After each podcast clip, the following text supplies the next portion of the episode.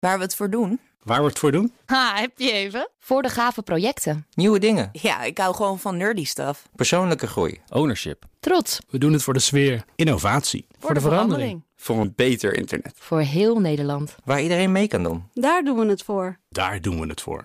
Waar doe jij het voor?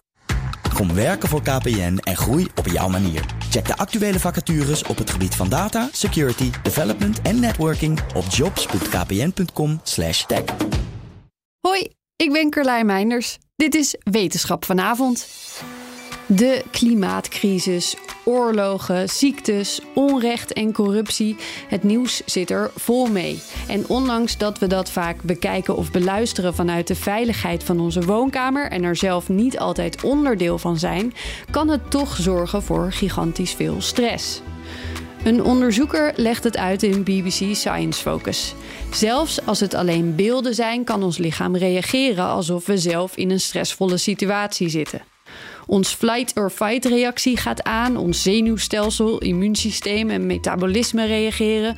Ons hart klopt sneller, handen zweten en cortisol maakt ons lichaam klaar om te handelen.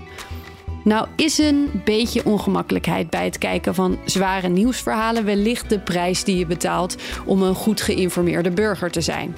Maar is het een continue stress en krijg je te veel negatief nieuws binnen, dan kan dat zowel je lichamelijke gesteldheid als je wereldbeeld negatief beïnvloeden.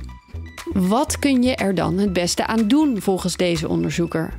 Neem het nieuws tot je in kleine hoeveelheden. Laat er een flinke pauze tussen zitten. En compenseer door ook positieve berichten op te zoeken. Oh, en ze gaf nog een advies. Combineer het kijken van zwaar nieuws niet met eten.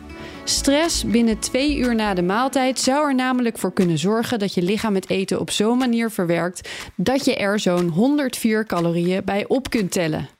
Een keer niet erg, elke dag, ja.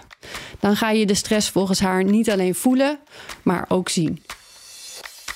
Is één minuutje wetenschap niet genoeg en wil je elke dag een wetenschapsnieuwtje?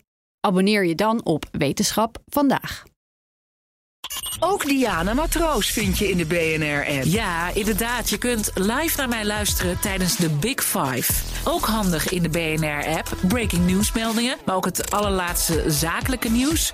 En je vindt in de app alle BNR-podcasts, waaronder Wetenschap Vandaag.